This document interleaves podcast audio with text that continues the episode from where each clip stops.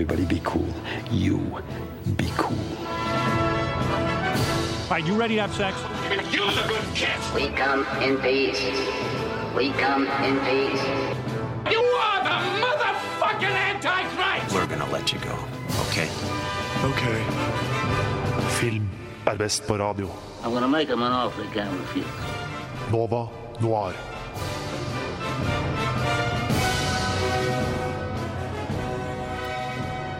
God torsdag formiddag. Det er Novo Noir igjen, som alltid når klokken er ti på torsdag. Jeg heter Ludvig Wiltil og skal lose dere gjennom semesterets, skolesemesterets siste Nova Noir-sending. Det er litt vemodig, men eh, vi må gjøre det beste ut av det. Hei, Hanna Holm Aune. Hallo. Går det bra? Ja. Gleder du deg? Jeg gleder meg veldig mye. Og Kim Hilton. God morgen. Hvordan går det? Kan ikke klage. Det skal visst bli torden Torden? Torden? Tor- tornado- Nei, tornadovarsel er det. Så uh, Men hvor rolig enn så fant du den varselen? Fordi jeg prøvde TV 2.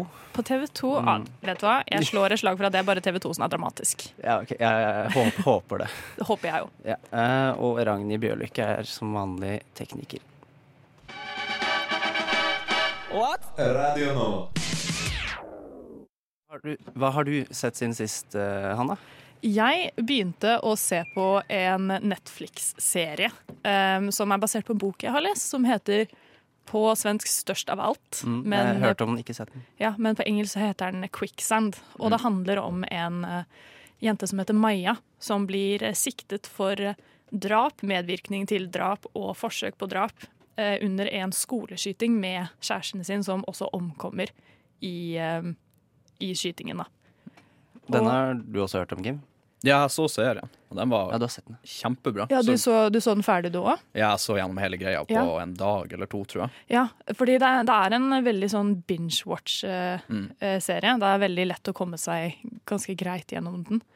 Det Eh, høres jo veldig dramatisk ut. Den er veldig dramatisk. Det den, den eh, er bygd opp på den måten at du vet at Maja, som hun heter, blir arrestert, og at hun blir siktet. Og så er det hele prosessen gjennom rettssystemet, og hvordan forsvaret hennes blir bygd, hvordan rettssaken fungerer i en helhet, og ja, hvordan hun ender opp, da. Ja, for uten å spoile noe, selvsagt, men helt i begynnelsen, eller sånn eh, det ser jo vel, Hun ser jo veldig skyldig ut, da, for å si det sånn. da. Hun ser veldig Som den ut. eneste, den eneste gjenlevende i klasserommet, Ja. eh, med en rifle i handa, liksom. Ja. Så det er veldig sånn interessant å se hvordan, hvordan går du derfra, på en måte. Ja, for den kan gå begge veier, føler jeg.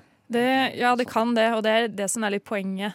Jeg anbefaler forresten også boka. Den er lagt opp på en litt annen måte, men har jo de samme poengene. da. Som du liker å lese bok, så er den også veldig bra. Men den er lagt opp på den måten at um, ja, hun er den eneste gjenlevende, og når politiet kommer på scenen, så sitter hun da med våpen og er i sjokk, da. Så selvsagt så peker jo alle beviser på at hun har vært med på dette. Så det er en anbefaling fra begge to, da. Ja, jeg vil si det.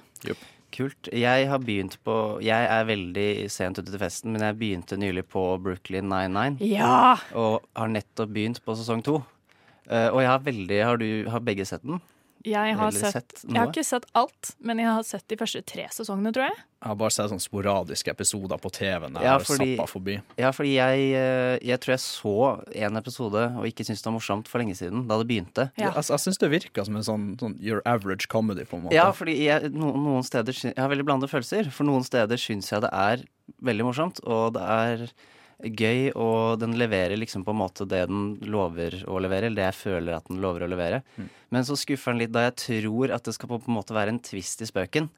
Nå er det sånn, å, så klart, nå er det det som skjer, og så er det det som skjer. Og da ble jeg litt sånn irritert. For, kom igjen, da, ikke behandle meg sånn, ikke så, så dumt, da. Men hva er liksom eh, Hva du føler på en måte er appealen, da? Hva er det de lover som de leverer på? Der, der de vinner er vel Du må like karakterene, eller ikke like dem, alt ettersom. Du må ha en viss følelse for karakterene. Og så er det jo sånn De har jo på en måte laget en ganske trygg oppskrift, da. Det er liksom så spesifikke karakterer at du enten liker eller ikke liker dem, og så må de liksom Vi er forskjellige, men vi må jobbe sammen. Det er sånn type oppsett. Jeg føler at uh, Andy Sandberg har fått lov å leke seg veldig mye i Det denne virker som her. han har mye makt.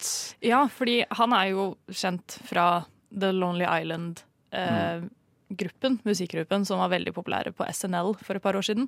Og hans karakter i Brooklyn 99 speiler veldig liksom de karakterene han hadde lyst til å Eller som han viser fram eh, i musikkvideoene og i sketsjene til eh, komigruppa si, da. Og så har han liksom gitt eh, Hvis han har så mye makt som jeg tror han har, så virker det som han har gitt seg selv den kuleste karakteren. Han, Ja. han som får lov til å være morsom, men samtidig så er han et geni i jobben sin og sånn, som detektiv. Og så vinner han litt for mye, sånn i, når han har sånne konflikter, tullete konflikter med kollegaene, så vinner han ofte de litt for mange ganger. Ja. Og da er det sånn Kom igjen, tapp litt, da. Altså, for det blir litt kjedelig repetitivt. Men som sagt, jeg er bare i sesong to. Håper at det kanskje Det er sjelden sesong én av serier. Mange sesonger er den beste. ja. Nei, jeg, Jeg håper den finner sitt. jeg endte opp med å ikke se serien videre fordi den var ikke lagt ut på Netflix. Men jeg føler at det er en serie man fort kan glemme når man ikke er oppmerksom på at den eksisterer, da. Jeg vet. I hvert fall i Norge. Det er Ja. Dårlig markedsført her. Jeg tror ikke at eh, det her er en sånn serieoppskrift som eh, på samme måte som The Big Bang Theory blir veldig populær i USA, men som ikke nødvendigvis treffer de samme eh, det samme publikummet, da, eller samme publikummengden Kanskje re referansene blir litt vage noen ganger.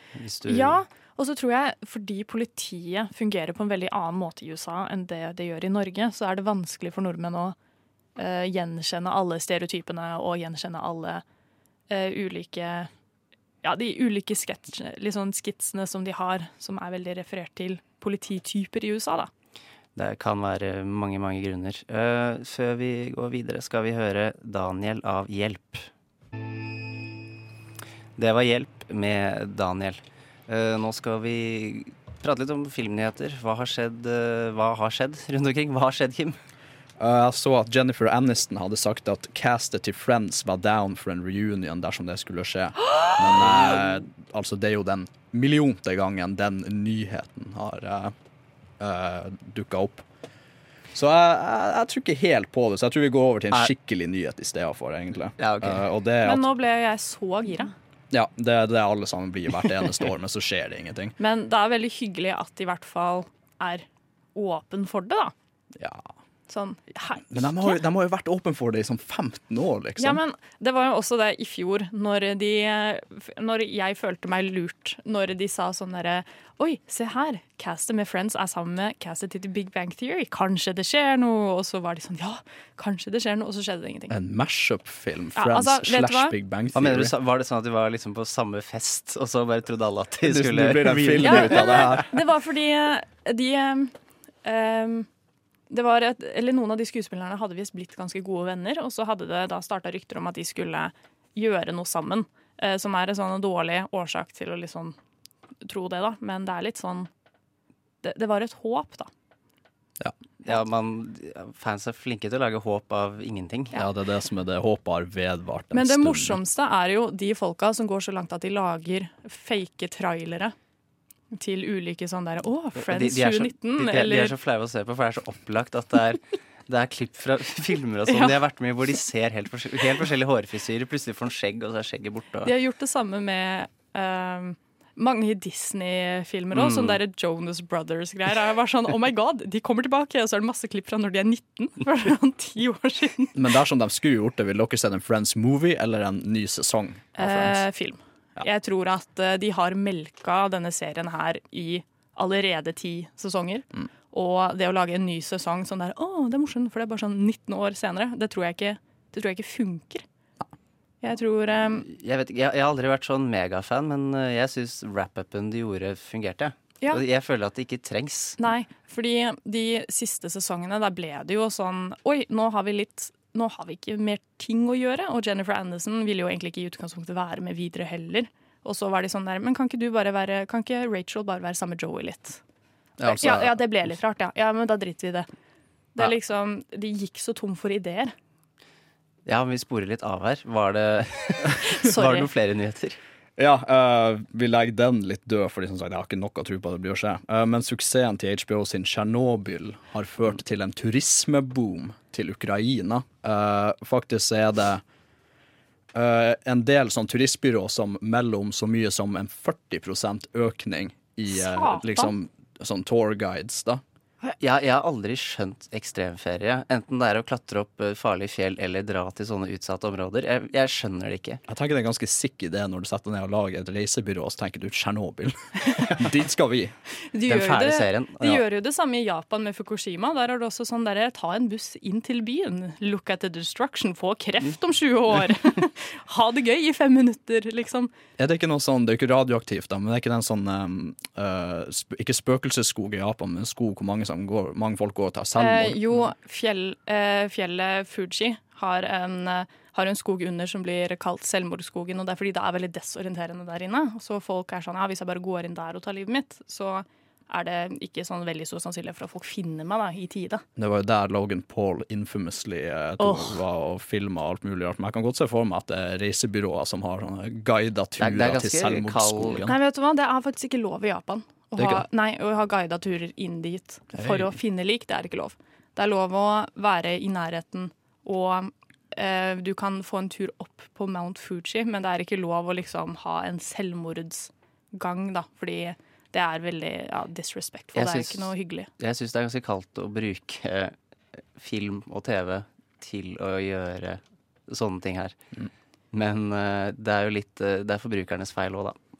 Ja, Men absolutt. sånn-. Jeg skjønner ikke den tankegangen om at ja, det er gøy å dra til Tsjernobyl. Nei, ikke jeg Sånn, hva, hva gjør du der? Du skal jo bare se og så stå i radioaktiv waste. Jeg tror greia liksom er at det er en sånn postapokalyptisk verden. Fordi hvis du har sett videoklipp og sånn fra Tsjernobyl nå, og det er jo bare sånn trær og planter bare grodd over bygninger, og du ser ulver og ørner og drit som bare og vandrer rundt omkring i byen. Så jeg tror liksom det er for å, for å få et sånt blikk på den der verden, da. Men sånn, hvor mye siden Serien legger veldig mye press på at her er det radioaktivt. Om du er her, så dør du. Du kan ikke være her på tusenvis av år, fordi du dør! Og så er folk sånn Ja, der vil jeg dra. Ja. Jeg. Folk- Der vil jeg være. Det er familieferien vår. Folk er fy folks, det folk, håper jeg ikke. Lei av Granca, så drar til Tsjernobyl i stedet for med ungene dine. folk er folk, heter det ikke det? Ja. Men jeg vil bare godt og vondt. Jeg har en liten fun fact. Fordi I Japan så har de jo samme, litt sånn samme situasjon i Fukushima. Men der eh, har de begynt med en sånn opprydningssituasjon. Eller en sånn opprydding av området og gravlegging av, eh, av radioaktiv waste som man må tømme sement over. Men det er kjempefarlig å være der. Så den eldre generasjonen i Japan har sagt at fordi radioaktive, det radioaktive er sånn at du kommer til å få kreft om sånn 10-20 år, så gjør vi det istedenfor de unge. Så det er veldig hyggelig. Så det er veldig mange eldre mennesker i Japan som rydder opp i Fukushima.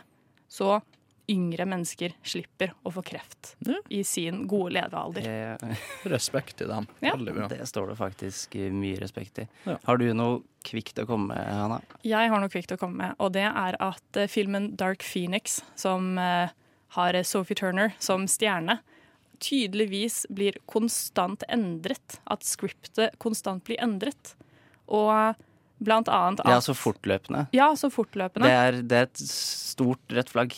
I Ja. hvert fall i en film av så stor, eh, så stor produksjon. Det får meg til å tenke litt tilbake til den solofilmen, den Star Wars-filmen, hvor de bare sparka regissører og endra på manus i øst og vest sånn sikkert fem eller seks ganger i løpet av filmen. For tydeligvis så har eh, screenwriteren kommet flere ganger og sagt Hey, I wrote some pages that I think would be interested for this direction we're going. Og så er det sånn, å ja. Skal vi det i dag, ja? OK. Etter lunsj, liksom, mens han kjeda også. Han bare var sånn, Den scenen var litt kjedelig, jeg bare skriver den om, jeg. Men sånn, hvor, med tanke på hvor lite forventning folk har til denne filmen, her, så hjelper det jo ikke at de skal endre den så mye. Jeg, jeg, nei, jeg falt litt ut av X-Men, jeg. Ja. For flere år siden. Jeg syns at den siste Wolverine-filmen var bra. Men da følte jeg at da ble hele serien der. avsluttet. Det er sånn, Vi trenger ikke mer etterpå. Det var ikke så veldig mye en X-Men-film heller, på en måte. Nei. Det var liksom en sånn rar spin-off, på en måte, som var veldig frakobla fra det universet sånn totalt. Men den hadde en den hadde en sånn essens ved seg som jeg virkelig satte pris på. For den ville være seg selv, da. Og det, det syns jeg var veldig kult. Så alle må se Logan igjen, eller for første gang, om man ikke har sett den. Det høres i hvert fall ut som det er et helvete å være regissør på Dark Phoenix. Ja. Eh, vi skal høre La Vie av Bolivar. Det var La Vie av Bolivar. Dagens tema er high school-filmer. Litt sånn Schools Out High School. Vi tenker sesongens siste sending. Det var vel tankerekken. så endte vi opp på high school-filmer. Og før vi går løs på filmene våre, som vi skal prate om, så litt hva forholdet vårt til high school-filmer er. Kim kan kjøre.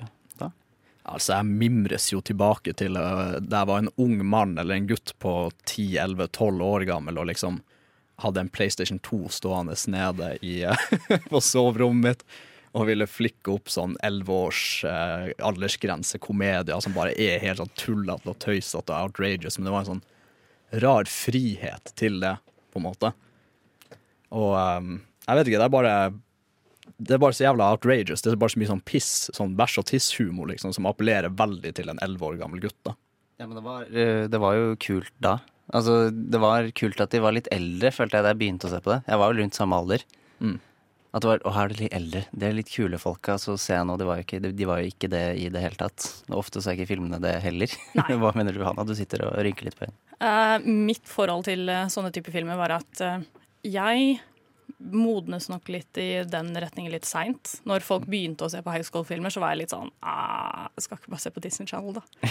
så jeg var nok litt jeg var, I was late to the party, som man uh, sier. Men jeg har um, Mitt forhold til sånn, den første ordentlige high school-filmen jeg så, det var jo High School Musical.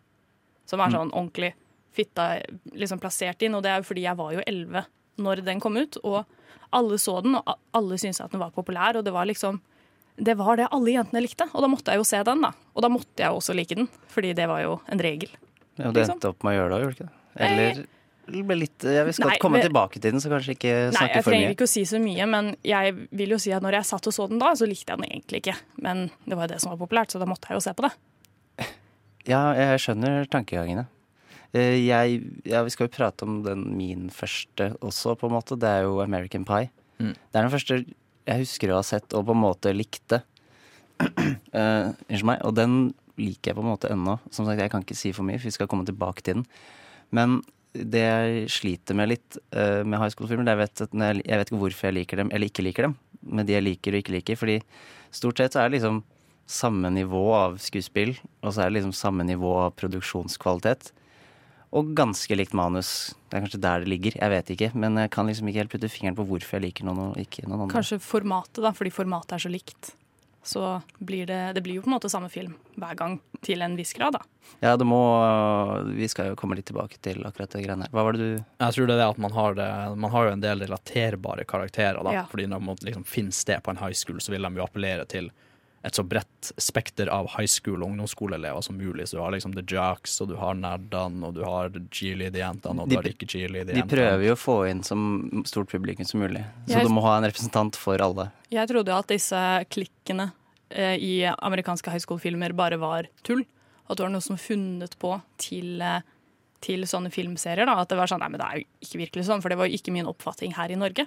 Men så innså jeg at eh, det er jo stort sett eh, sånn det er, da, faktisk. At man har eh, disse veldig spesifikke gruppene med vi er the jocks, og derfor er vi venner, og vi er the drama club, og sånn halvparten av skolen hater oss. Jeg gikk i hvert fall på en ganske klikkete skole. I hvert fall ungdomsskolen. Ikke så mye på videregående, men uh, kliks er definitivt en greie. Da, da var ikke det det på min skole. Ja. Min skole var eh, litt sånn blandet ut av folk som ikke hadde det bra og ikke likte hverandre. Så det, var, det kan hende at det var kullet mitt, da. Som, Det var klassen min på barneskolen. det har jeg hørt. Subkulturene på vår skole de blødde litt inni hverandre, på en måte, så vi hadde jo liksom sånn tydelige, tydelige klikk, som dere sier, men man kunne interacte eh, på tvers av dem. liksom. Noen Ja. vil du liksom Ja, for det ser ut som er helt Det er jo helt outrageous å gjøre, i, i hvert fall i noen high school-filmer. Ja, det er sant. Nei, Hvis, på, eh, hvis, nerden, hvis jocken snakker med nerden, så er det sånn begge klikkene Hodene eksploderer fra begge sider. jeg tror at eh, jeg gikk en Jeg gikk jo drama på videregående, og der, det var liksom der klikkene begynte å inn, liksom bli innført sånn ordentlig, da. For da hadde vi musikkdans-dramalinjene, så hadde vi frisørlinje, og så hadde vi bygg og anlegg og liksom folk som reparerte biler. Så det var en sånn litt rar blanding. Og jeg husker på første skoledag, når jeg begynte på eh, drama, så satt jeg sammen med noen som jeg skulle gå i klasse med. Og vi satt i en sånn liten utehall og spiste og sånt. Og så plutselig reiser noen seg fra mekken og sier at Hei, alle sammen, hør her! Og så peker de på en fyr, og så sier de 'Dama hans er gravid!' Og så fikk så det bordet bare wow! Og resten bare Så Er, er, er, er dette en film? Det, det føler jeg burde være Har du, en film. har du begynt på manuset? Nei, vet du hva, det gjør jeg til neste semester, så skal jeg presentere det. Håper jeg. Men er det noe, er det noe som dere på en måte ikke liker med high, eh, sånn typiske high school-filmer? For de spiller jo ofte litt på sånn klisjeer, liksom. Og, Hvis, uh, hvis man først skal drive med klisjeer, så går det an å gjøre klisjeer riktig. Ja. Og hvis klisjeer blir gjort feil, det er vel da jeg blir for mest, nei, dårlig mersmak. Jeg er føler, at, «Øh». jeg føler at veldig mange av de går på de samme premissene, så det er samme film, bare med ulike Eller med karakterer med ulike navn, stort sett. Um, så er det jo noen unntak som er eh, hvor man har filmer som er mer kreative, men fordi det er en high school-film og den, er, den skal appellere til eh, tenåringer, så blir det stort sett ganske mye det samme. Så jeg tenker at hvis du i utgangspunktet liker konseptet, da tenker jeg at de fleste filmer fungerer. Jeg tror jeg også vil si at når vi snakker om det om at karakterer liksom har de klikk, så det er veldig sånn tydelige typer karakterer, så er det en, en av de største syndene for meg med sånne filmer, er når de spiller for kraftig på det. Ja. Når det liksom ikke er en sånn gråsone på karakterer. Du har liksom bare sånn Douchebagen er en douchebag, liksom, og det er det, og um, De kan gjerne være, for min del, kan gjerne være litt eh, De kan gjerne være litt karikerte, men de må også gi et, vise et lite hint av eh, hvordan det kan være i virkeligheten. For det skal jo til en viss grad gjenspeile virkeligheten. Det skal ikke være fantasy, liksom. Det er som hvis vi tar um, Er det Steve han heter i Stranger Things? Han Ja. så starter litt som et skikkelig sånn rasshøl. Eh, Du tenker på at her er sånn den klassiske populære drittsekken på high school, ikke sant? men så viser han seg å være en ganske grei kar Ja. utover serien. Ikke sant? Noen karakterbygging, noen gråsoner. Ja, altså, altså at, at de er tredimensjonelle er jo definitivt en eh, positiv ting. Det er jo i enkelte filmer hvor eh, den klassiske mobberen viser seg og sånn, å ja, grunnen til at han mobber er jo fordi han blir banka av faren, eller fordi han ikke har det bra hjemme. Og jeg føler at når en film klarer å innføre sånne elementer som forklarer karaktertrekkene, da blir den med en gang bedre. Men man har jo også filmer hvor man er en douchebag fordi man er en douchebag. Så for eksempel i Back to the Future. Han mobberen der er jo bare mobber for, fordi han er en mobber. Biff, biff, jeg Biff, skulle ja. si Griff. Ja. Ja. Nei, biff er jo bare Biff er jo bare biff fordi det er en det er en klisjé, og det må man ha med, liksom. 80-tallet, de high school-skolene der, der var det veldig svart-hvitt. Ja. Det var kanskje, Unntaket er kanskje, er kanskje ja, den her hvor de er innestengt eller sitter og har eh, Som så klart jeg ikke husker navnet på nå. Eh, Det var kanskje da liksom de framtidige klisjeene ble Breakfast Club mente jeg. Ja, ja. Den er, den er, jo- er, den er ikke svart-hvitt. Nei. Men ja, din tankerekke, Kim.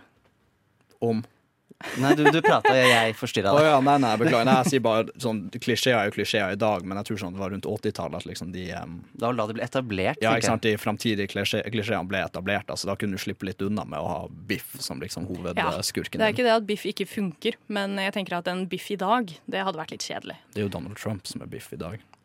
Oi, fikk jeg Oi, den traff. Nå ble jeg Oi, oi, oi. Det er jo veldig Ja. sant. Der kan vi legge punktum. Eh, jeg håper vi har, ja, vi har vel ja, kommet fram til hva vi liker og ikke liker. 80-tallet skal vi ikke snakke om i dag. Nei. Kanskje fordi vi har, vi har liksom funnet at der er det litt for mye klisjeer.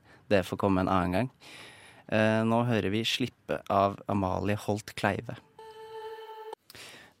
Amalie Holt Kleive med 'Slippe'. Nå skal vi prate om vår første film. Vi var innom den i stad når vi pratet om eh, forventninger eller vårt forhold til high school-filmer. Og den første vi skal prate om, er 'American Pie'. Klassiker. Første, altså. Vi skal, det her er det en svær gjeng med filmer, som, og, og spesielt spin-offene som ble laget da, er det veldig mange andre meninger om at de er litt annerledes. Så vi forholder oss til stort sett i eneren, men sånn universmessig de fire som går under det originalcastet. Og så prater vi ikke om spin-offene. Jeg vil bare si en rask ting om spin-offene. Og det var jo en av spin-off-filmene var jo en av de, de første jeg så. Mm, Eh, dårlig start. Ja, det, det var en veldig dårlig start, fordi de filmene har veldig mye eh, sex i seg, og veldig mye grafiske greier. Og den jeg så, så er det jo til og med en elev som har sex med en eh, sau. Det er en geit eller sau. Ja, geit eller sau Det er eller ikke så viktig. Det er Beta House. Ja, ehm, det, det var ikke en god start, da. Nei, si det, det sånn. er det ikke. Og de er, syns jeg, er ganske dårlige og ansett så mye dårligere enn andre. Derfor holder vi oss innenfor de, the original universe. Så får vi ta de andre, slakte dem en annen gang. Altså Premisset i, i American Pie er jo egentlig bare at det er fire gutter som er venner, som eh, har, har sliter med at alle sammen er jomfruer.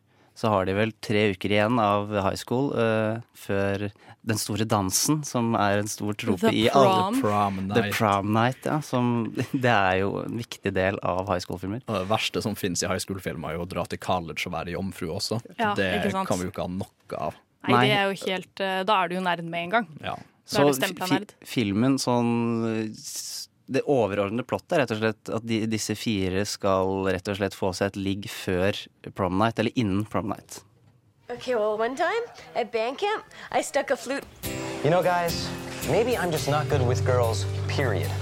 All that you gotta do is just ask them questions and listen to what they have to say and stuff. I don't know, man. That sounds like a lot of work. Here's to the next step. Universal Pictures presents Perhaps you could help me with my studies? If you ever had a chance with Nadia, this is it. a story about the moves, You bad boy! the madness, What you drinking? Scotch. Single malt? Aged 18 years. The way I like it. and the moments in our lives Please, God, let this be it. If you want to hook up with her, tell her you love her. That's how I was, dude. that are as American as apple pie. Boy, it's been a long time since we've had the little father-son uh, chat. Oh, I, I almost forgot. I bought some magazines. Det er jo veldig mange klønete samtaler og misforståtte framgangsmåter som gjør filmen til det den er, tror jeg. Og ikke minst veldig mange tvilsomme livsråd også. Ja, Han pappaen som vi hørte på slutten her, det, han hadde jo kjøpt sånn som magazines. Til Jim, sønnen Ja. sin. Altså, jeg tenker sånn der, Hva slags livsvalg er det du er sånn derre Ja, nå er sønnen min 18.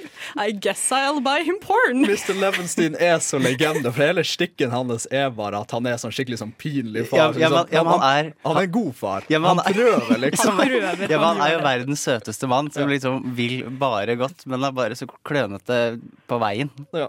Mr. Levenstein, altså, han, eh, han dukker jo opp. Det er litt sykt, den eh, spin-offen du snakker om, og den Ja. beta, beta House, så er det liksom De er på college, og så er de i sånne frat houses og alt mulig.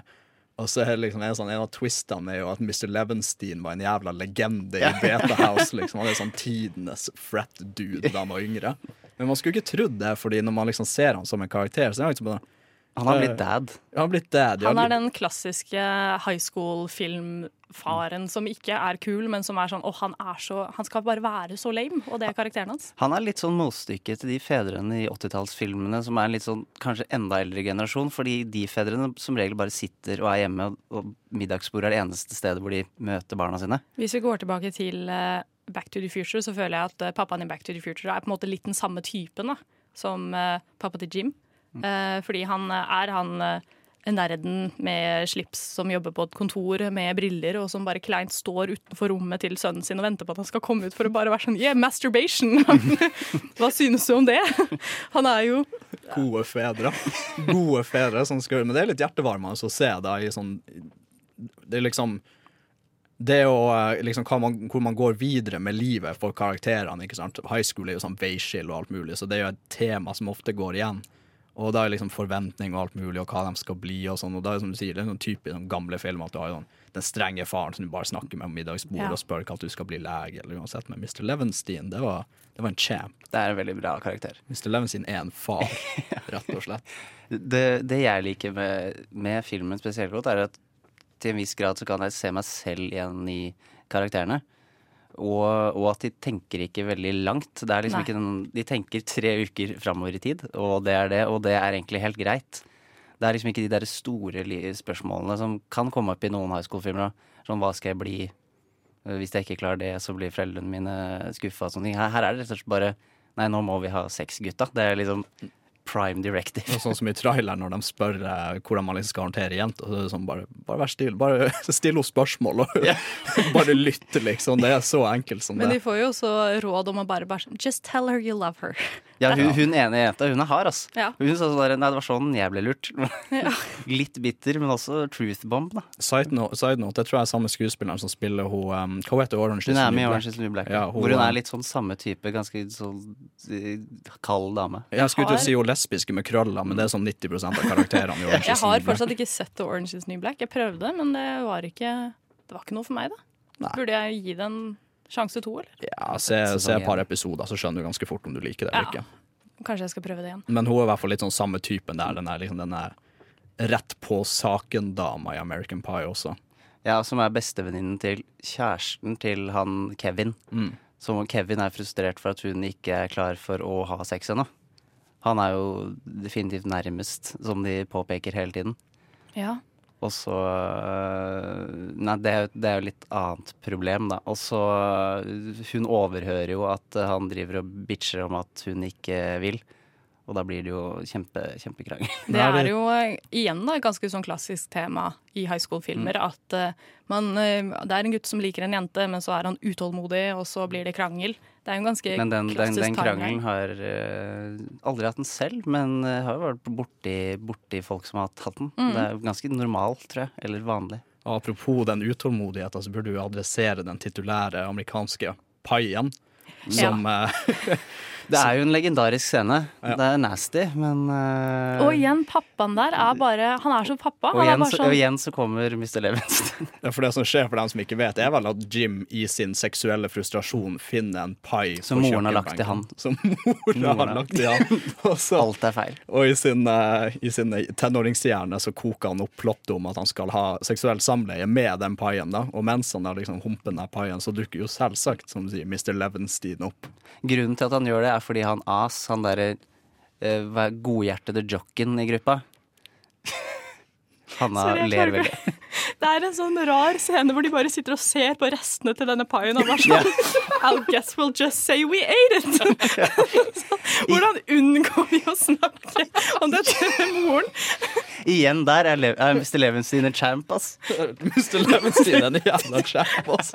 Han stepper faktisk inn. Og det er sånn, han kommer Jeg husker ikke helt 100% scenen, men jeg mener at de fleste foreldre bare vil liksom åpne døra og, oh, fuck, og bare slamre den igjen. Men jeg tror Mr. Levenstein liksom går inn og liksom tar en samtale om det, eller noe. Men tenk da, du kommer hjem fra jobb, og så skal du være sånn Ja, nå skal jeg ha det litt rolig, en litt sånn rolig dag foran TV-en. Og så din, eh, finner du sønnen din knulle en pai. Det er sånn, Hva gjør du egentlig? Min Jeg hadde slengt, slengt igjen døra og bare vært sånn OK, psykolog? Jeg må ringe noen. Det er sånn, det her er ikke bra. Men eh, grunnen til at han gjør det, er fordi i starten han As, han Chris As, han uh, jocken Det i- i- i- gruppa- sant? Ja, Ja. I gruppa. Han snill, snille jocken. Han er liksom to, to eh, stereotyper. Mm. Ja. Det er fordi han beskriver Hva er det han beskriver? Jeg tror han beskriver uh, blowjobs som pai. Og jeg vet ikke hvorfor han gjør det, men det er derfor Jim prøver å ha sex med en pai. Oh, Han gjør det. det- ja, stemmer, Det hadde jeg det hadde jeg glemt. helt til jeg så den nylig. Ja, for jeg visste ikke Jeg, jeg, jeg husket det som at det ikke var noe ordentlig motiv for å ha sex med den paien. Men Men det er, det er en veldig, et misledende råd fra en kompis som har fått han til å gjøre det. Det er, det er jævla fucka. Men jeg vil si at min favorittscene er definitivt når Michelle sitter og sier And then this one time at bandcamp, og Jim bare hold kjeft. Hold kjeft. For hun bare konstant snakker om bandcamp. Det er hele livet hennes. Det er hele livet hennes, og hun gjør det på sånn måte sånn som, som at det virker improvisert, da, sånn som Kim påpekte. At hun liksom Then one time at bandcamp, we had this uh, We didn't know how, how the song went, so we, we just played, and it was hilarious. Hun er sånn upbeat versjon av kompisen til Malcolm i Malcolm i midten, som liksom snakker med astma. Og så er det, og så, men det bygger jo opp til at eh, plutselig så sier hun hvor egentlig nasty det er på bandcamp. Ja. Hvor hun plutselig snakker om musikken, og så plutselig snakker hun om at de putter fløyter oppi rumpa, og Ja. det bare eskalerer Det- fra én en kommentar til en annen. Så Jim går liksom fra bare sånn shut, shut up, shut up, shut up, shut up. Du, ballet er om et par dager. Jo, for han ender jo opp med å eh, gå, på, gå til ballet med henne, Ja. det? Eh, Jim har jo liksom muligheten til å ha eh, sex med en veldig, veldig attraktiv eh, utvekslingsstudent eh, som er veldig keen på ham. da, og ser liksom at guttene pusher han litt og bare sånn, ja, nå har du muligheten. Men der er jo en liten moral i historien at Jim kanskje egentlig forelsker seg i henne i stedet for Mm. korpsnerden fremfor den, eh, den eh, attraktive utvekslingsstudenten. Ja, for det tar det vel mer med inn i toeren. For det virker jo ikke sånn bare i eneren. Da, da ligger jo Da har de sex, og så drar hun eh, Michelle bare midt på natta.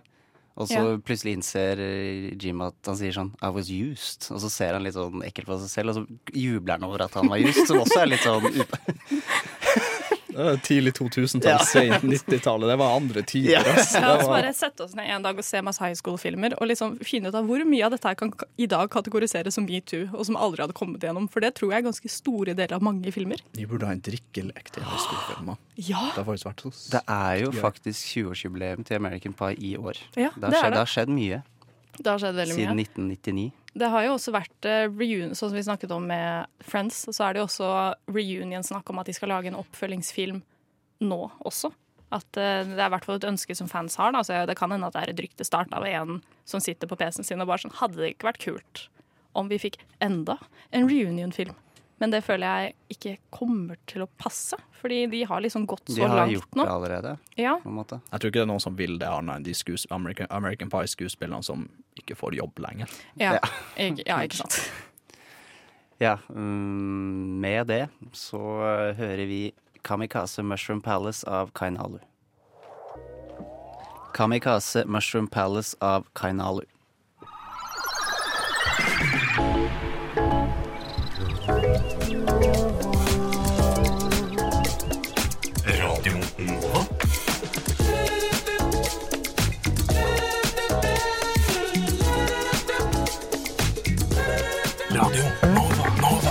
24 timer i døgnet, syv dager i uka. DAB, nettspiller og mobil.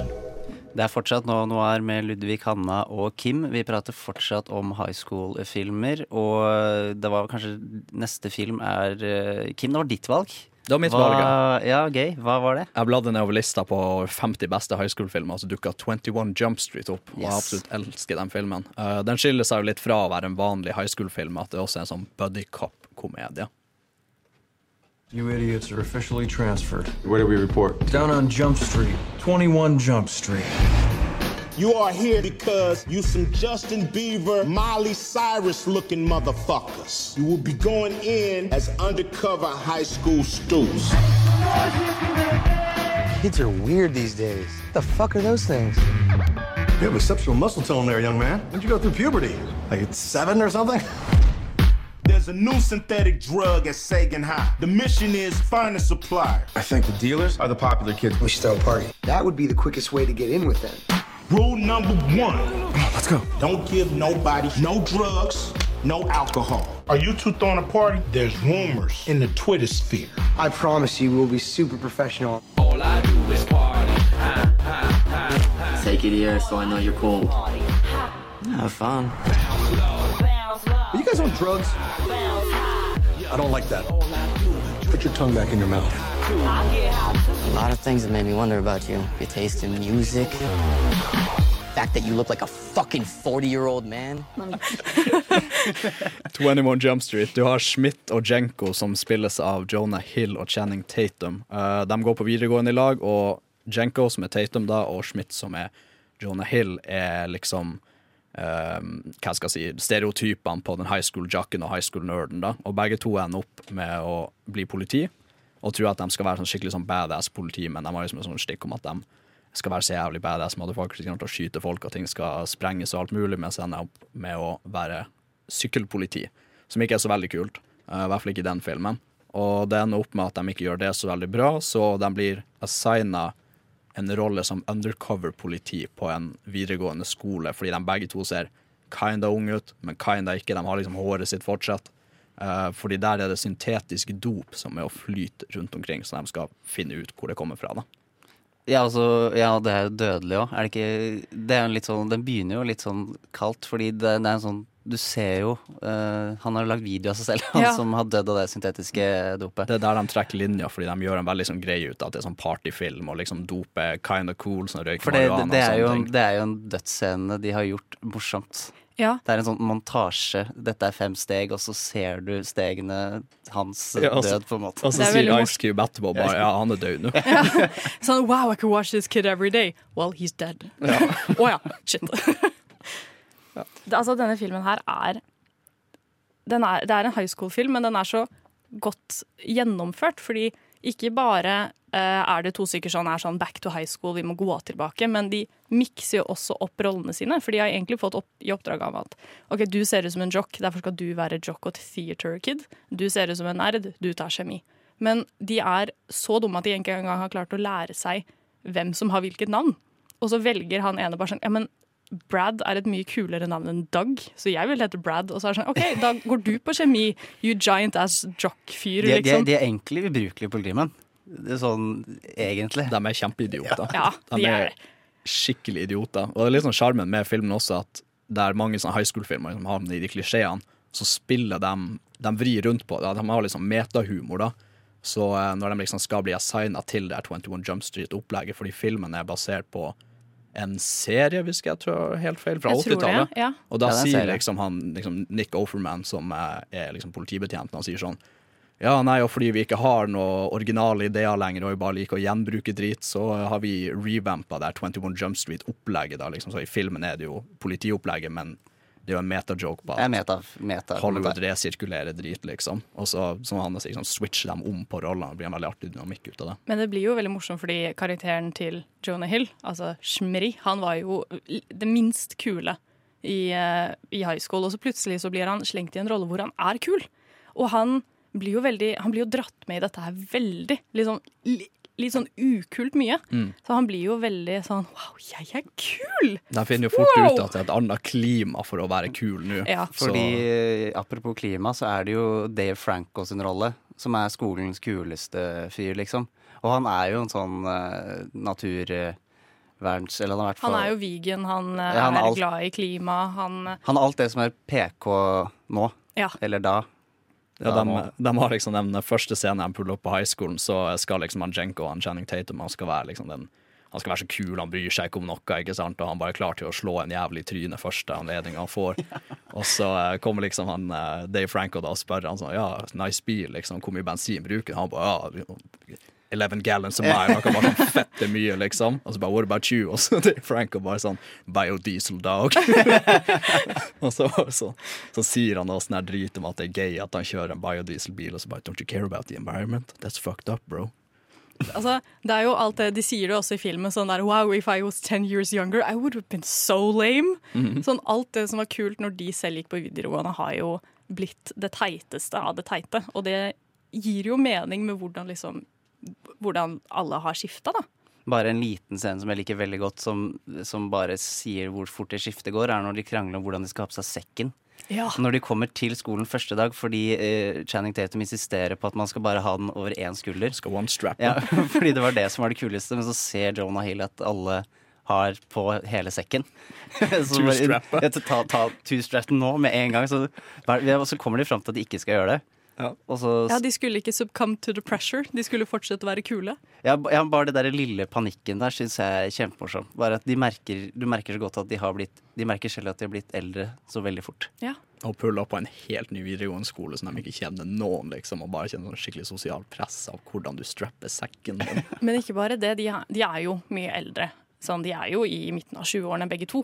Eh, og spesielt eh, eh, Channing Tatum sin karakter blir jo konstant liksom eh, Der folk ser på han er bare sånn Were you hold back a few years? Og så er det sånn No, you look young. Were you pulled up a few years? Fuck you! så han blir jo veldig Og så blir han seksualisert av en av lærerne sine òg, gjør han ikke det? Jo, Channing Tatum. det er på et punkt hvor han bare er sånn Can I go take a dump? Og hun bare Yeah, sure, make it a quickie. så hun, og så under prom, da, for det er jo prom her òg, så går hun jo bort til han og bare sånn You can't be here, but stay. But, but go away. I hate you. No, don't go. Så hun er jo hun har, Jeg skjønner ikke hva som skjer oppi hodet hennes. Jeg, for Veldig hun, nevrotisk, eh, rar karakter, som de egentlig ikke gjør så veldig mye med. Nei, hun- hun, hun bare er der bare for å Hun bare er bekrefte, bekrefte at han er eldre og pen. ja. Litt Så ja. egentlig. Ja. Og så har du gym gymlæreren også, som eh, ikke akkurat seksualiserer, men han sånn første gang han er ser han, så er han sånn du er en jævla stallion, liksom. Fy faen, du er en hingst. Og så bare Would you go through, through puberty? Like, like seven, liksom. Rob Riggle, altså, han er så lættis. Han, han har så dumt ansikt, liksom, han som spiller han. Ja. Han, Når man, ja, han, ser, han, ja, han er sånn som ser kanskje ikke så smart ut. Ja. Han spiller jo aldri glupinger heller. Eh, Vi hørte jo i traileren også at um, de tar jo dette dopet de egentlig skal finne, u finne på et punkt, fordi han som gir dem det, sier jo at du må ta det her, eller dere må ta det her, så jeg vet at dere ikke dør fordi folk har dødd av det. Og da blir det jo litt sånn Å, vi fikk jo egentlig beskjed om å ikke gjøre det, men OK, da gjør vi det. Så ender det opp med at de er høye som faen, og det er jo da eh, det er jo da Shmiri blir populær, fordi han ødelegger jo for et track-team eh, ved å bare kødde rundt og være høy. Mm. Og det er jo sånn han blir populær. For det er bare sånn yeah, fuck the conformists. Sånn fuck alt eh, det her. Det er jo så jævlig teit. Du er skikkelig kul. Og han bare hæ, er jeg kul? Wow, jeg er kul! og så lever han på den bølgen. Og jeg elsker det. Og så får han rollen som Petter Pan også i Ja. skolestykket, fordi han går inn i audition drithøy og bare nailer den driten. Og bare det, det bildet av John Hill i et Petter, Petter Pan-kostyme er så komisk, altså. Ja, og, og der er jo det søpplatet med at han blir forelska i en high school-jente. Å, det er Det, det, det syns jeg er litt eh, weird. Det- Captain ja. Marvel, faktisk. Blir han Ja, det er faktisk sant, det. Det er Brie Larson. Det hadde jeg ikke tenkt på. Men ja, det er, litt sånn, det er jo litt ukult, fordi den som faktisk oppfører seg mer profesjonelt, er jo Channing Tatum. Sånn, sin karakter. Sånn. Det er vel han som, På en måte. Det er vel han som kanskje ikke utviker seg mest, men best. Ja. Han blir mer profesjonell. Ja, for han begynner å henge med kjeminerdene Ja. og eh, begynner å sprenge ting med kjemigreier. Og så tar, Hacke ting og sånn. Hacke telefonen til Dave Franco og sånne der ting.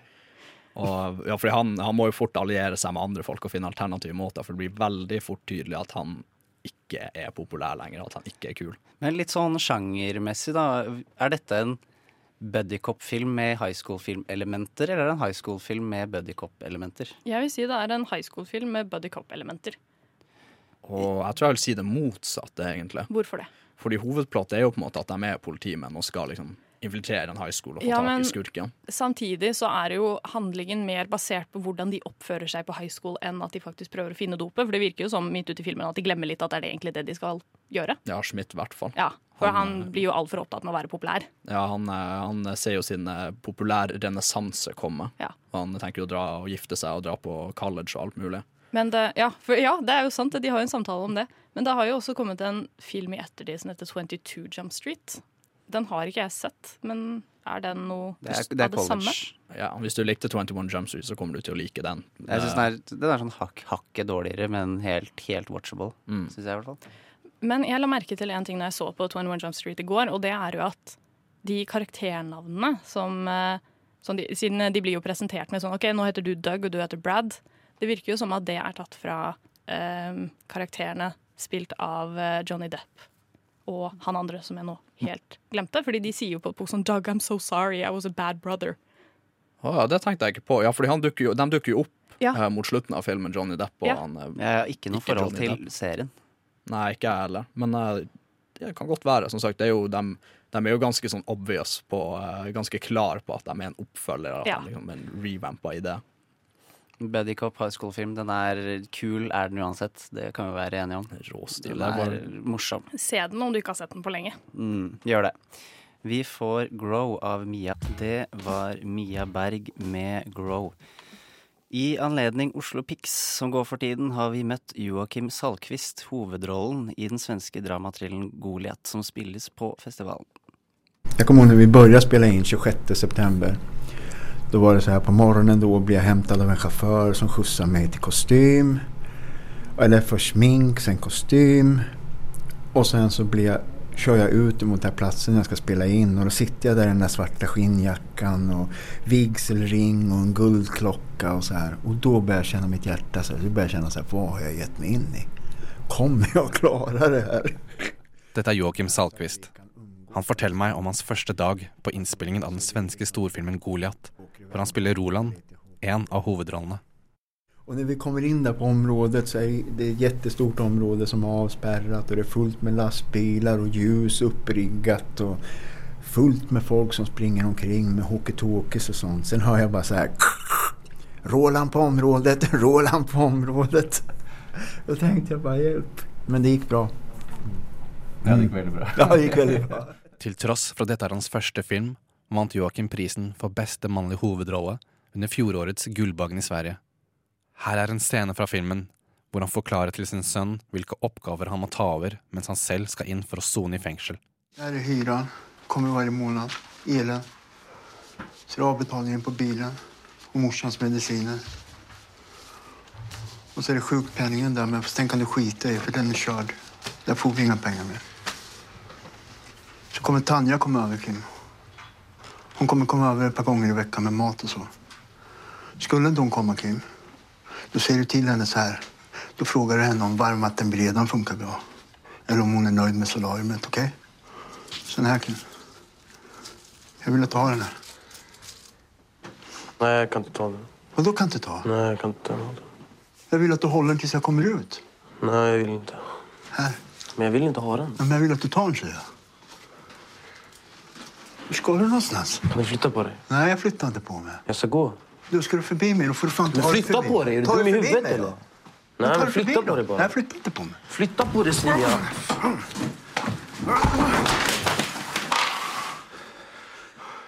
Jeg spør han om han kan beskrive karakteren sin.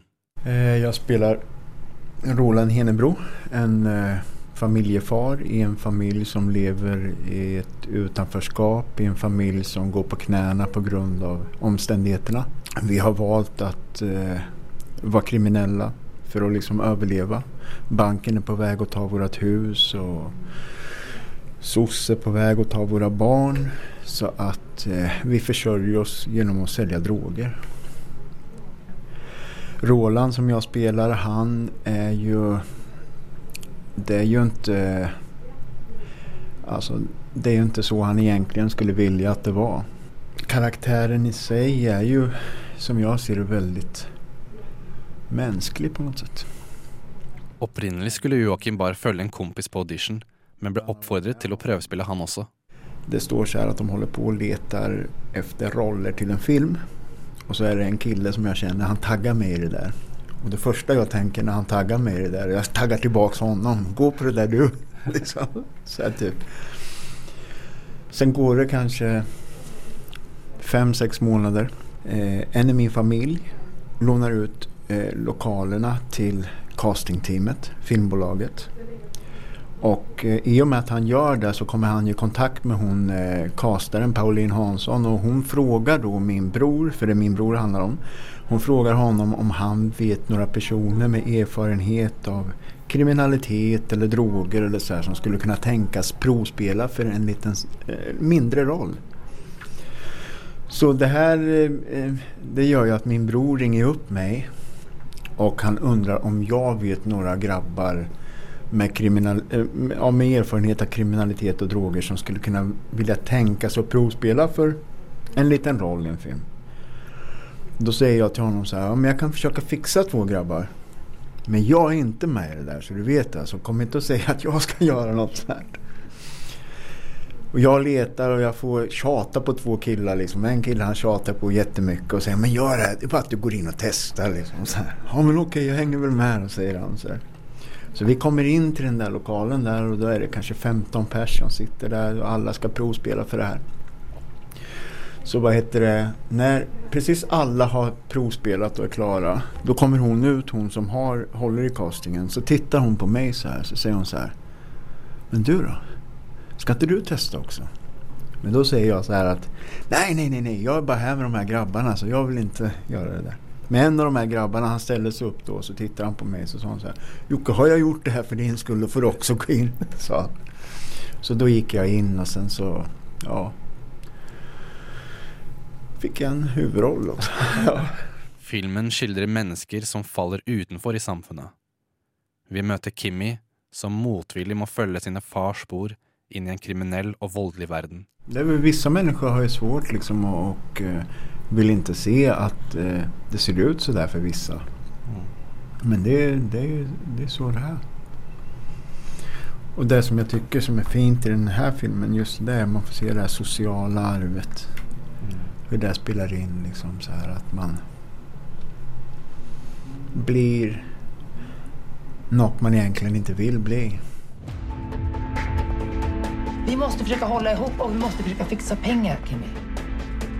Varför gillar du med Kim? Fan, jag gillar inte med Kim. Vad fan, du ger ju inte honom pengarna han ska ha. Vem fan är det som golar alltså? Fattar du inte att de pissar på dig eller? Vad hände? Inte nu sorry, jag inte din fucking farsa, eller hur? Fixa det du ska istället, annars bränner jag ner där jävla huset. Goliat har norsk premiere den 28. juni, men vises på Oslo Pix i kveld kvart over ni, og i morgen kvart over seks. Reporter var Tage Rivas Tollefsen. Nå skal du få Bli kjær av Hvor er du? In Before av Push Push. Ludvig, Hanna og Kim prater fortsatt om eh, high school-filmer, og nå er vi på film nummer tre, som er min favorittfilm. Den er høyt oppe der, ikke bare som high school-film, men som film. Det er Dazed and Confused fra 1993. Eh, Hva handler den om, da? Det, det er så vanskelig å forsvare denne filmen foran vennene mine, spesielt de som ikke har sett den, fordi det er en plottløs film. Eh, Den handler egentlig bare om siste skoledag på en college i Texas på midten av 70-tallet, og skal være inspirert av regissøren Richard Linklater sin egen high school-tid, da. You gonna be quarterback next year? I don't know, I might not even play. You're in need of a serious attitude adjustment, young man. Super dominant male in a 50s greaser uniform. That's what I love about these high school girls, man. I get older, they stay the same age. The 50s were boring. The 60s rocked. The 70s, oh my God, they obviously suck. Dazed and confused. See it with a bud. Han ekling... See it with a bud. Sorry, jeg må bare Der har du dobbel innuendo. Men uh, eklingen i midten her er jo godeste Matthew McConaughey pre-fame. Som for øvrig er den eneste i filmen, til tross for at de er i en skole i Texas som snakker med sørstatsaksent. Det er veldig sant. Kanskje rett og slett det var ukult å gjøre det, jeg vet ikke. Men han er jo, han er jo en dropout òg, da. Så hva er det han sier han gjør? Jobber for kommunen eller for staten, eller hva han sier. Det er liksom, da, når du sier det, så har du en eller annen sånn Da har du strøjobber. Det liksom, det skriker at du pika på videregående. Han er skikkelig den fyren som bare er en to, tre, fire, fem år eldre enn alle andre. Men når, når, når mantraet hans er at uh, jeg blir eldre, men det gjør ikke high school-jenter, da Det er favorittingen og, og, hans, og det er sånn som bare gjør deg mer creepy jo er lenger, lenger tid som går. Det er jo litt som i eh, 21 Jump Street også, at uh, det er jo lærere der som er eh, upassende med elever òg. Så Mm. kanskje han blir Kanskje, en av de. kanskje det er lærer han blir. Kanskje det er lærer han blir, så han kan fortsette å slippe jenter på ræva. Fortsette å jobbe for kommunen. som Ja. sagt. Når vi snakker om at 90-tallet var en annen tid. Denne filmen er jo ikke fra 1970, men handlinga finner jo sted på 70-tallet en annen gang, og det var i hvert fall en annen tid. Det var det. jeg har hørt. Og ja, det var liksom første tiåret hvor ting var Hvor det var liberalt, da, hvor det var en ungdomskultur, nesten. Kanskje 60-tallet, men det er jo en fronting av eh, weed-røyking, eh, røykende mennesker. Det er, her igjen har jeg problemer med å, å snakke om filmen, for det er mer en opplevelse for meg enn det er en film, eller en plott, da, en historie. Men jeg har jo ikke hatt tid til å se denne filmen her. Og den Ja, du blir de uvitende øynene. Jeg blir de uvitende, og jeg hadde litt problemer med å finne den òg eh, på streamingsider. Ja, det er eh, vanskelig. Men jeg har et spørsmål, siden du sier at den er en av de toppfilmene dine. Mm. Hva er det som, til tross for at den ikke har noe handling, hva er det som drar deg inn Det i må være noe underbevisst. At det bare er en sånn Når jeg kan sitte og se på den Det er definitivt filmen jeg har sett flest ganger. Som ikke var da jeg var barn. Jeg kunne repetere en del da jeg var barn, men i voksen alder definitivt den jeg har sett flere flest ganger. Og det er fordi jeg bare kan komme tilbake til den hele tiden. Altså Det, det ligger jo i karakterene, og det tror jeg ligger i hvor, hvorfor man liker high school-film, hvorfor ikke. Altså Karakterene er på en måte alt. Er det stereotypiske karakterer, eller klarer er å branche ut? eh, det er definitivt eh, eh, de personlighetene vi kjenner igjen. Jeg vil kanskje si at de er litt mer uh, nedpå. Richard Linklater sier jo selv at av fire-fem av dem hvert fall som har mye screentime, er basert på mennesker han kjente selv. Mm, Putta på litt sånn fiktive ting, sånn at de ikke skal vite hvem det er. Det ble visst litt beef etter filmen kom ut, at eh, noen av de sendte han en mail eller en brev og sa at det ble litt for nært. Det er jo også litt sånn intermingling mellom karakterene, hvor du så måte ser sånn, eh, en, en nerder på en måte som henger med jocks og sånne ting også. Ja, og så er det jo eh, Så har du jo den største rasshølet i, i filmen, eh, spilt av Ben Affleck, som også har, har det som sin utbryterrolle. Det er vel McConney og Affleck er vel de to mest kjente der. Jeg ble veldig overraska da jeg så han der. Fordi, og jeg ble også overraska at McConaughey sier all right, all right, all right. Den kom fra den filmen. Ja, den kom fra den filmen, da. Du bare hører det, du bare hører liksom all right, all right, all right. Du bare, Oi, faen skjer nå? Og så er det noen som kommer pulla opp i en sånn jævla Chevy liksom, inn i framen på bildet, og det var den sleazieste fyren i hele verden. Fordi filmen, sånn som jeg har skjønt det, er jo at den handler jo bare om Siste Det er en skoledag. ettermiddag. Og så det, er, det er fra skolen ringer ut, basically, og så til tidlig på morgenen. Ja. Så det er, eh, Det er hele, den siste festen, hele, liksom. hele siste skoledag i 18 timer ish der. Eh, Men du spurte om hvorfor jeg likte den, eh, og svaret jeg kan gi er vel at eh, det var da jeg så den første gang, så gikk jeg på ungdomsskolen. Mm. Og da følte jeg meg mer som han ene figuren der. Han er jo ut av middle school, som det heter. Det blir vel vår ungdomsskole. Og så prøver han å menge seg med disse som går ut av high school, da. Fordi han på en eller annen måte blir intertwina med dem, og så føler han seg kul og Han blir, til, blir litt redd fordi han blir tilbudt weed, og så tør han ikke. Og, men da er liksom den nervøse ungdomsskolefyren syntes at de eh, var kule. Og første gang jeg så den, så anser jeg de som eldre enn meg. Ja. Det, var sånn, det er de kule eldre som jeg ser en film om, og det er gøy. Så så jeg den på videregående, da følte jeg meg mer jevnaldrende. Uh, og etter, når jeg har sett den i ettertid, da det mer sånn der at Da blir det sånn mimrende. Det er nesten så du har lyst til å være der i filmen, sånn som du ser vennene dine igjen, eller tenker på hvordan det var med vennene dine. Det er vel derfor jeg liker filmen så godt. Selv om jeg ikke kjenner meg igjen, eller vennene mine igjen, i karakterene sånn sett. Så det er liksom stemningen, da. Den Det er stemningen, ja. school-stemningen. Der den klarer å transcendere det der flue på veggen og på en måte bli med, uten at det føles ut som det sitter igjen og filmer. Hvis det gir mening. Det var litt sånn et, Ja. et eller annet sted mellom å sitte der og flue på veggen, på en måte. Litt sånn observere kaoset, men fremdeles føle at man blir med, da. Mm. Og, Nei, jeg skjønner, jeg skjønner. Det, det virker kult. Det eneste Det, det jeg syns er sånn vanskelig å tenke seg til, er at en film uten handling kan ha den effekten. Men om den har den effekten, så har den jo gjort jobben sin på en skikkelig noen, god noen kan vel krangle på meg og si at det fins et plott et eller annet sted. Jeg kan lete nede i posen, men det er ikke plottet man går til, Nei. tror jeg. Jeg vet ikke om Kim er enig eller uenig med min Nei, altså, det er jo, det er jo karakterene, da. Uh, plottet er jo basically bare som du sier, at de, de er ferdig på skolen, og så er det snakk om en fest senere i kveld, og så er det bare at de gjør seg klar til festen. Alle de forskjellige gruppene, alle forskjellige karakterene, og så er de på festen, og så går det videre og videre og videre. Så det er Ja, for de skal vel egentlig De skal, de skal jo på en fest som blir Foreldrene blir besta, bøster han som skal ha festen i å ha sånn kegs der og sånn. Ja. Så da må de finne på andre ting. Så eh, plottet i hermetegn er vel at de prøver å finne på andre ting å gjøre når den festen blir avlyst. Mm. Så de bare kjører rundt og kjøper øl og ødelegger postkasser. For du beskrev det vel til meg som en hangout-film, det? Sånt, ja. Hangout-film er vel det vi bruker som ordet. Den treffer jo veldig fordi hverdagslig, ikke sant. Sånn, eh, Det er det akkurat som at hverdagen ikke har et plott. Ikke sant? Du Ja. bare slapper av, og så henger du med kompisene. Det er de der på i dagene hvor du bare rett og slett hang med kompisene fordi det ikke var noe å gjøre. Mm, Det høres jo eh, jeg, jeg skjønner eh, the appeal, jeg skjønner hvorfor folk blir trukket til det. For da har de jo, i hvert fall for deres skyld, har klart å gjenskape karakterer som er interessante uten at de må liksom prøve å miste jomfrudommen sin på tre uker, eller ja. Det, det, jeg, er, jeg er i hvert fall overbevist til å se den nå, for det Ja, høres så gøy ut. Ja, fordi eh, plottløse historier tror jeg er, kommer i dårlig mersmak for veldig mange mennesker. Ja. Så da er, er, er det egentlig like greit at jeg sier at den er det, før man vier halvannen time til det. Det er jo litt sånn OG partyfilm, egentlig.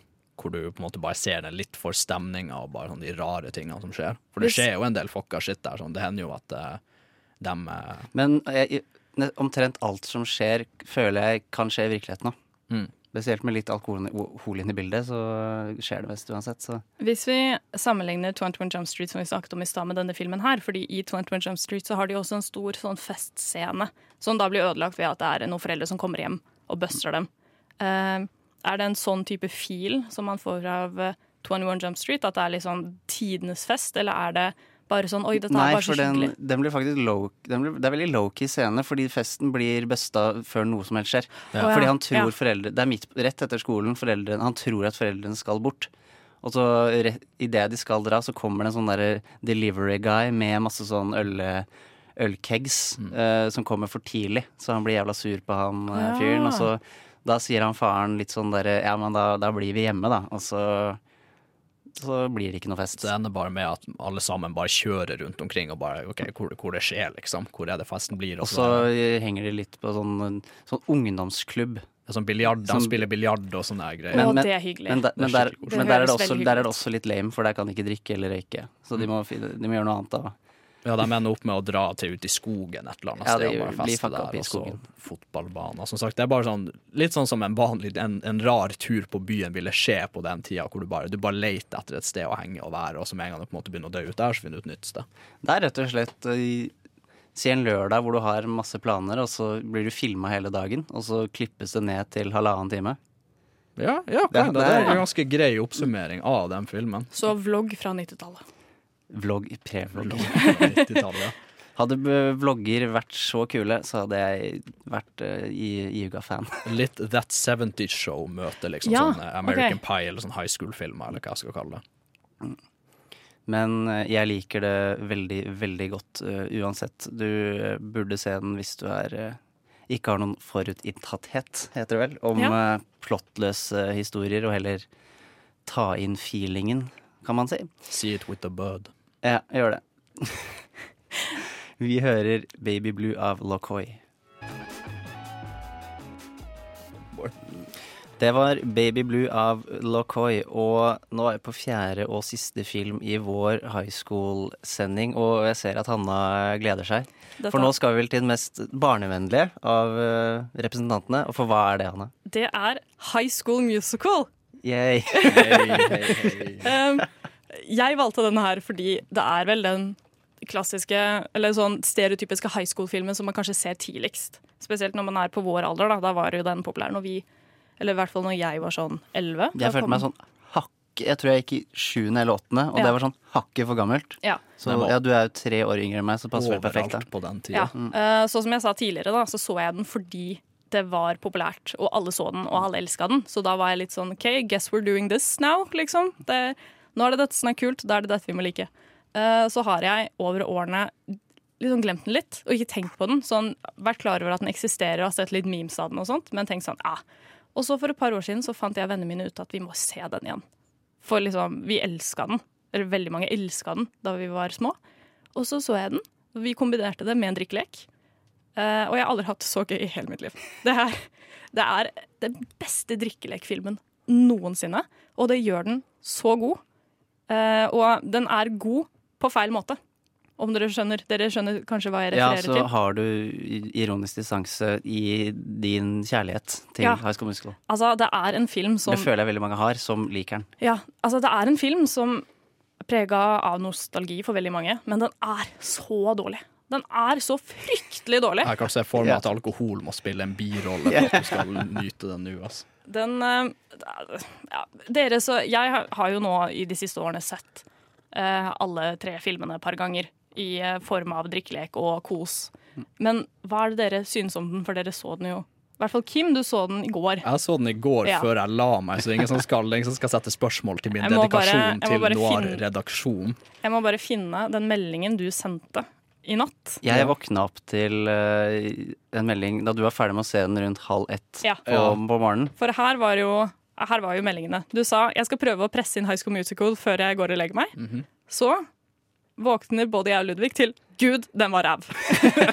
så fortell litt om opplevelsen din. Det var Åh, altså sånn for en for en dårlig film. Jeg, jeg, jeg sa det jo til dere, jeg syns det er litt vanskelig liksom, å være på den sida at man sitter og sier at High School Musical suger, fordi jeg, er ikke, jeg er liksom ikke ti år gammel lenger. Det er ikke kult å sitte og hate på High School Musical eller noe, men, og jeg skjønner at den er laga for tiåringer. Men det, for en dårlig film! Å, så, Jeg er enig, Kim. ja, så dårlig, nesten. Og det var bare sånn Ja, ja, jeg vet ikke. Jeg vet ikke hva Sang dem? Var det dem som sang? Eh, i, det er, alt er jo prepodda, på en måte. Det er jo spilt inn på forhånd, og så synger de over. Men han Zac Efron han synger ikke i den første filmen. Nei. Eh, det er noen andre, da. Det husker jeg var et sånt stort sjokk, fordi de solgte sånn turnébilletter hvor de liksom dro ut rundt i USA, og så skulle de synge film, eh, filmsangene, eller sangene fra filmen, da. Og så var det en du der som ikke var Zac Efron, og så var folk litt sånn Å ja, hvor er Zac Efron? Og de bare Nei, nei, det er ikke han som sunget i denne filmen, så det er denne random fyren som skal være med likevel. Så tror jeg de Da- skjønte at det var litt Er, ukult. er det lov å selge sånne billetter? Er det, Det, det var visst det. Det, det, altså, det, er- det er kjipt, det er geriljamarketing. Der eh, igjen var jo bare den, den dubbinga av sanger. fordi det var, så, det var så unaturlig, den overgangen fra den vanlige snakkestemmen deres til sangstemmen, eller sangstemmen quote unquote. Men jeg har litt lyst til å vise uh, Jeg har litt lyst til å spille av et lite klipp fordi jeg er veldig glad i denne filmen. Så uh, vi bare hører bitte litt nå. That detention was my fault, not hers. You haven't missed practice in three years. That girl shows up. That girl is named Gabriella. She's very nice. That girl! She's named Gabriella. She's Han, very nice. han stilte opp for fruen sin. Ja. Det som har det, det var liksom ikke comeback. Jeg skulle ønske det var litt hardere comeback. Altså, den fi jeg, har, eh, jeg hadde et fag på UiO første året jeg begynte å studere som heter Audiovisual Aesthetics. Og da snakket vi om eh, ungdomsfilmer og hvordan de funker, og hvordan eh, veldig mange ungdomsfilmer er sånn rebell med foreldrene. Og da brukte jeg dette klippet her som et sånn eksempel på en sånn moderne sånn nå skal jeg rebelle mot far. Fordi det som har skjedd, er at Troy Bolton, spilt av Zac Efron, har jo nå begynt å velge at han har jo i tillegg lyst til å synge, siden han i utgangspunktet bare har spilt basketball. Men det å ha to hobbyer, det er ikke lov. Nei. Ikke litt engang. Så jeg brukte faktisk denne her som sånn han som sto opp for faren sin, men gjorde det på en veldig dårlig måte. Sånn, she's very nice. Han er jo skikkelig sånn hovedperson med strek under hovedpersonen også, for det er Ja. sånn laget hans forguder han nærmest når han puller på basketballbanen, så bare 'captain, captain', og faren liksom eh, Faren behandler han som han er en høyrehånda hans, som han liksom er en forlengelse av hans trenerinnflytelse. Så derfor er det veldig sånn devastating når han, hans rolle som kaptein trues. Jeg vil også påpeke at Zac Efron er 1,70 høy er det og er basketballegende. da er det kanskje lurt å ha en hobby nummer to, da. Hvis, Ja. det, ikke, hvis det ikke ordner seg. For det er jo eh, Det å være 1,70 høy og spille basketball, Det er ikke lett. det er ikke lett. Og han er liksom beste på laget. Da må du Eh, være veldig god. ja. Mye spenst. Han var for øvrig sånn ish like høy som alle andre på det laget, så jeg tror bare at han vokste veldig mye fortere enn alle andre, og så stoppa han.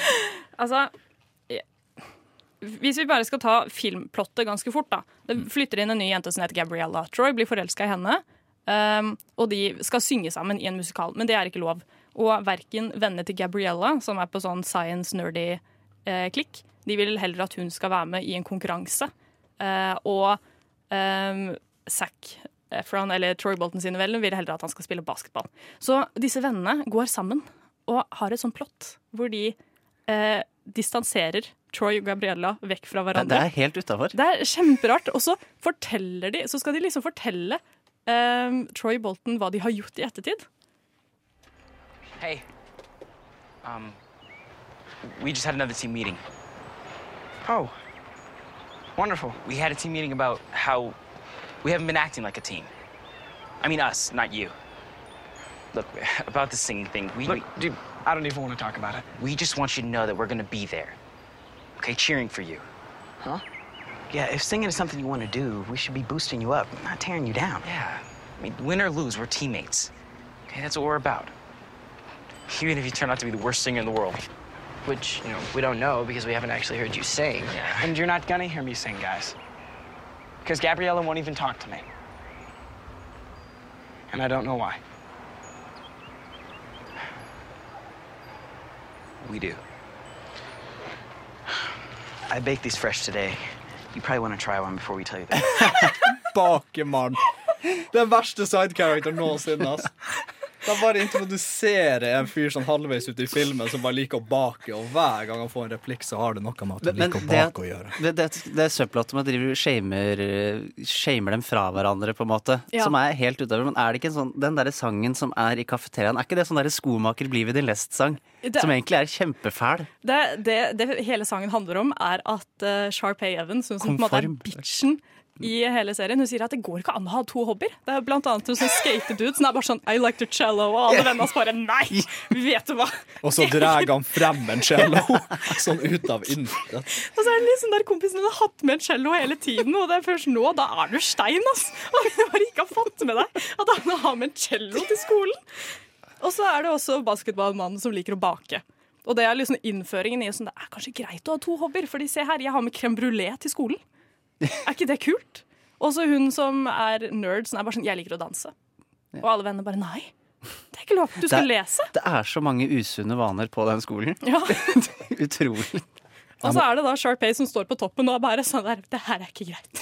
Hva faen er det her for noe? Jeg må bare si at Selv om moralen er litt sånn at du må liksom følge drømmene dine følge hjertet ditt, eller uansett du kan ha flere hobbyer, så var det litt douche gjort av Troy eh, rett før den viktigste kampen i sesongen, hvor det kommer til å være talentspeidere til college, hvor det kommer til å være stipendiat og alt mulig rart. Da fant han ut at han skulle liksom begynne å synge og bare disregarde basketball litt, grann, når han kunne gjort det etter sommeren. Ja, siden dette er jo Det er jo ikke siste året deres på high school. Det, fordi det kommer jo flere filmer. Nei, og så føler jeg i sånn kommunikasjon og kompromiss er liksom bæresteinene i et forhold. Man må liksom Jeg har en annen ting. Og det er at Sharpay Evans, hun som spilte Ashley Tisdale, er jo sagt å være den største bitchen på skolen, og hun er helt grusom, og hun bryr seg bare om seg selv. Men hun er jo legit den snilleste noen gang. Utdyp. Hun, ok, Uh, I første film så uh, handler det jo om at hun har lyst på en rolle i musikalen. Uh, og at hun ikke får det fordi Troy Gabrielle er forelska, og hele skolen klapper på dem etter at de har sunget en sang på scenen. Selv om hun, hun og broren i utgangspunktet har vært eh, flinke på å lage et setup og lage en ordentlig scene. Og eh, de, resten bare Nei, nei, nei. De her er forelska, så de må få lov. Men da tilbyr jo eh, Da tilbyr Sharpay Gabrielle å lære henne hvordan man er på scenen, og hjelpe henne. Og i film nummer to så gir jo basically også Sharpay Troy et stipendiat fordi han fucka opp i forrige film. Så er hun bare sånn Ja, men pappaen min kjenner masse folk, bare ha en middag med oss, og så kan vi snakke om et stipend. Og hun Gabriella bare Du slår opp med meg! altså, Sharpay er jo det snilleste mennesket noensinne og setter alle foran, seg, foran henne. Hun har også en spin-off-film der hunden hennes blir skuespiller, og hun bare ja vel. Da er det hunden min som blir skuespiller. Jeg må bare si sånn side note, broren hennes, Ryan, syns jeg egentlig var stjerna i den duoen. Der. Ja. Jeg syns Ryan var mye mer talentfull enn Sharpay, både han, på dansing og det- synging. Sånn, slik jeg husker det, sånn, Han er overall den jeg likte best, mest likbare fyren. I eh, toeren også så prøver de å innføre et sånn subplot, subplot der Ryan og karakteren til eh, han er bestevennen til Troy Bolton, Corbin, Corbin Blue. Blue sin karakter, eh, de driver og eh, har en sånn basketball eh, kamp, Nei, baseball-greie. Så viser det seg at han er god i baseball. Han, Ja, men eh, det som de egentlig ville gjøre med den scenen, de to skuespillerne, var at de ville innføre at Ryan og Corbin Blue sin karakter ble sammen. Men de fikk ikke lov av Disney. Så det, de har en sånn scene hvor etter, etter den sangen deres, hvor de har bytta klær og sånt, og det ser skikkelig koselig ut, og det ville de liksom gjøre til at å, men de kan jo bli kjærester. Men så sa Disney nei, fordi det var ikke, det var ikke greit å vise barn. Oi. Mm. Oi. Så derfor driver de, det er derfor de driver dytter to jenter på disse karakterene istedenfor. Disney, Disney, Disney. Hva hadde de gjort ti år senere? Nå, liksom. Altså, nå hadde jo det vært noe helt annet, men eh, der fikk du bare blanke nei. Det var jo ikke lov. Det skulle de ikke gjøre. Ja, fordi Den første filmen slutta jo virkelig bare med at alle sammen fikk seg en dame. på vis. Til og med Kakemannen pulla opp til Sharpay siste scenen, og bare da hun spist kjeksen hans som han har tilbudt henne pause hele filmen. Og hun bare sånn, den beste kjeksen noensinne, så blir hun helt klengende. Så han bare blinket i kamera, og så fader dem ut i cutscene. Altså, det her er jo en film ment for barn. Men på sin måte så er den sjarmerende. Det virker som du har kost deg mer med den eh, som voksen enn som barn. Ja, men jeg tror grunnen til at jeg ikke likte den da jeg var liten, var fordi det var sånn, jeg fikk beskjed om å like den, og så var jeg sånn OK, men da liker jeg den. Men så sa jeg egentlig jeg var sånn Ble litt trass. Ja, litt sånn, jeg vil jo egentlig ikke like den fordi jeg har fått beskjed om det. Men jeg Ja, sånn, sånn er anbefaler jeg òg. Ja, jeg veit at du har hørt mange historier om det. Altså. Men jeg tror at hvis du ser denne her i voksen alder med et par venner som har sett den eh, også som liten, og slenger på ei lita drikkelek som du kan søke deg opp til, eh, så blir det veldig gøy, altså. Ja, det, det høres ut som Kim i hvert fall må ha alkohol hvis han skal Vil du være med neste gang, Kim? Jeg blir veldig gjerne. Ja. Vi kan se toa og trea. Ja, tre? eh, jeg pleier å være såpass skitings i løpet av den tredje filmen at jeg vet fremdeles ikke helt hva den handler om. Ja. men da begynner vi sånn nøkternt på to ja, av det. Jeg synes det. Da, da har vi lagd en Du plan. er også forresten invitert, Ludvig. ja, Ja. tusen takk. Jeg satt og ventet. Jeg gadd ikke spørre. Nei, men du er invitert, altså. Ja, tusen takk. Vi hører Amanda Who av Okaido. Okaido, Amanda Who. Nå, nå kommer sendingen vår mot slutten. Vi har snakket om high school-filmer i Ludvig, Kim og Hanna. Og vi har pratet eh, om, veldig, om forskjellige filmer. God variasjon. Må bare ramse opp litt eh, liksom hva vi har kommet fram til. For i starten så snakket vi litt om hva som gjør det I hvert fall mitt inntrykk er at mange, mange high school-filmer har veldig mange fellesnevnere. Eh, så da begynner jeg å lure litt på selv hvorfor liker jeg noen, og hvorfor liker jeg ikke noen. Og jeg bunner i hvert fall ned i at det må liksom ligge i karakterer. Altså. At det er der det er vinn eller forsvinn. Det må være tredimensjonale karakterer til tross for at det er stereotypiske karakterer.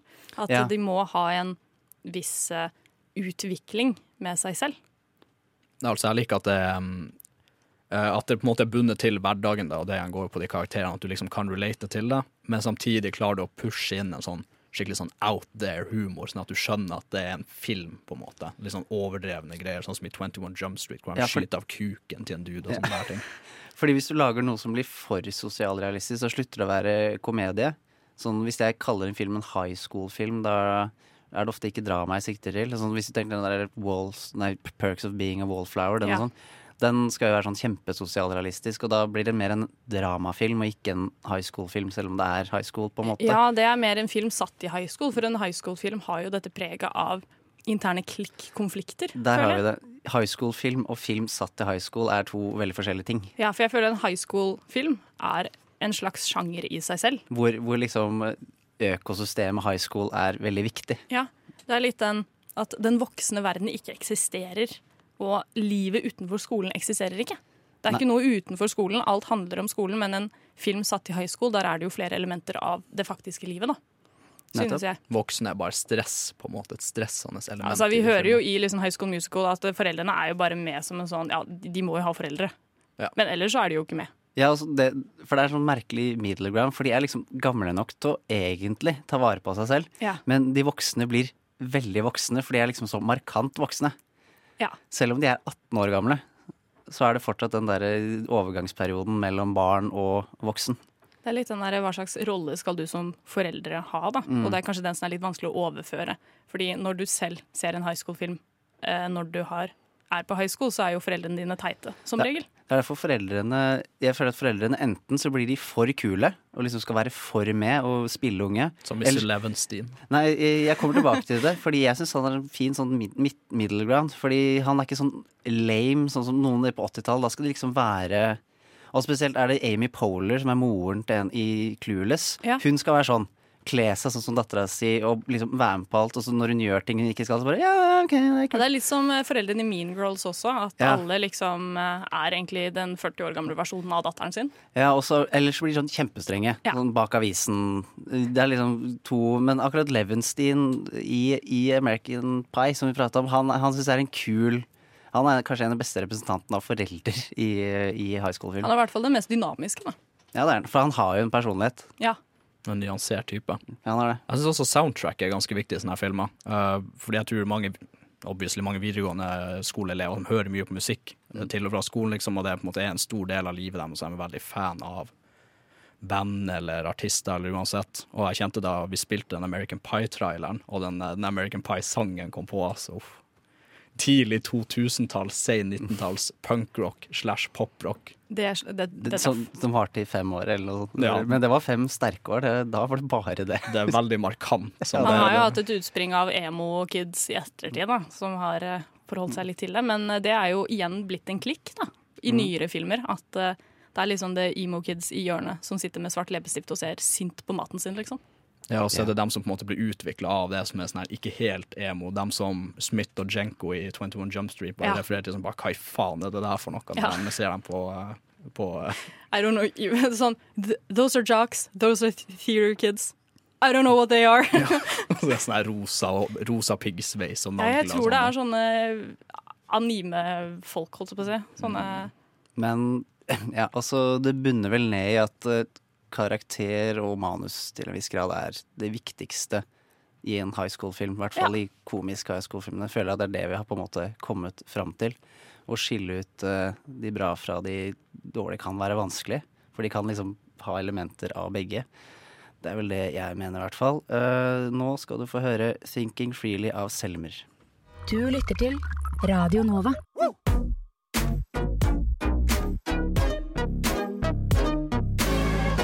Radio Nova. Studentradioen i Oslo. Radio Nova. Ja. ja. Hva? Nova? Ja.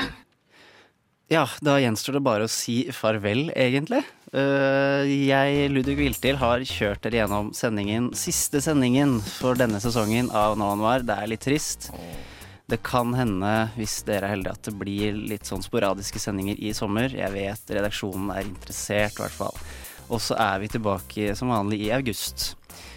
Hanna Holm Aune har vært med. Kim Hilton, Ragnhild Bjørlykke har vært bak spakene. Intervjuet om Oslo Pix om filmen Goliat var laget av Tage Rivas Tollefsen. Så da Vi kan vel egentlig bare si god sommer. God sommer, God alle sommer. sammen. God sommer, Håper alt. vi hører dere til neste semester. ja, Håper dere hører oss. Ja, og det håper jeg. Ja, ja det håper jeg. Det må bare. God sommer.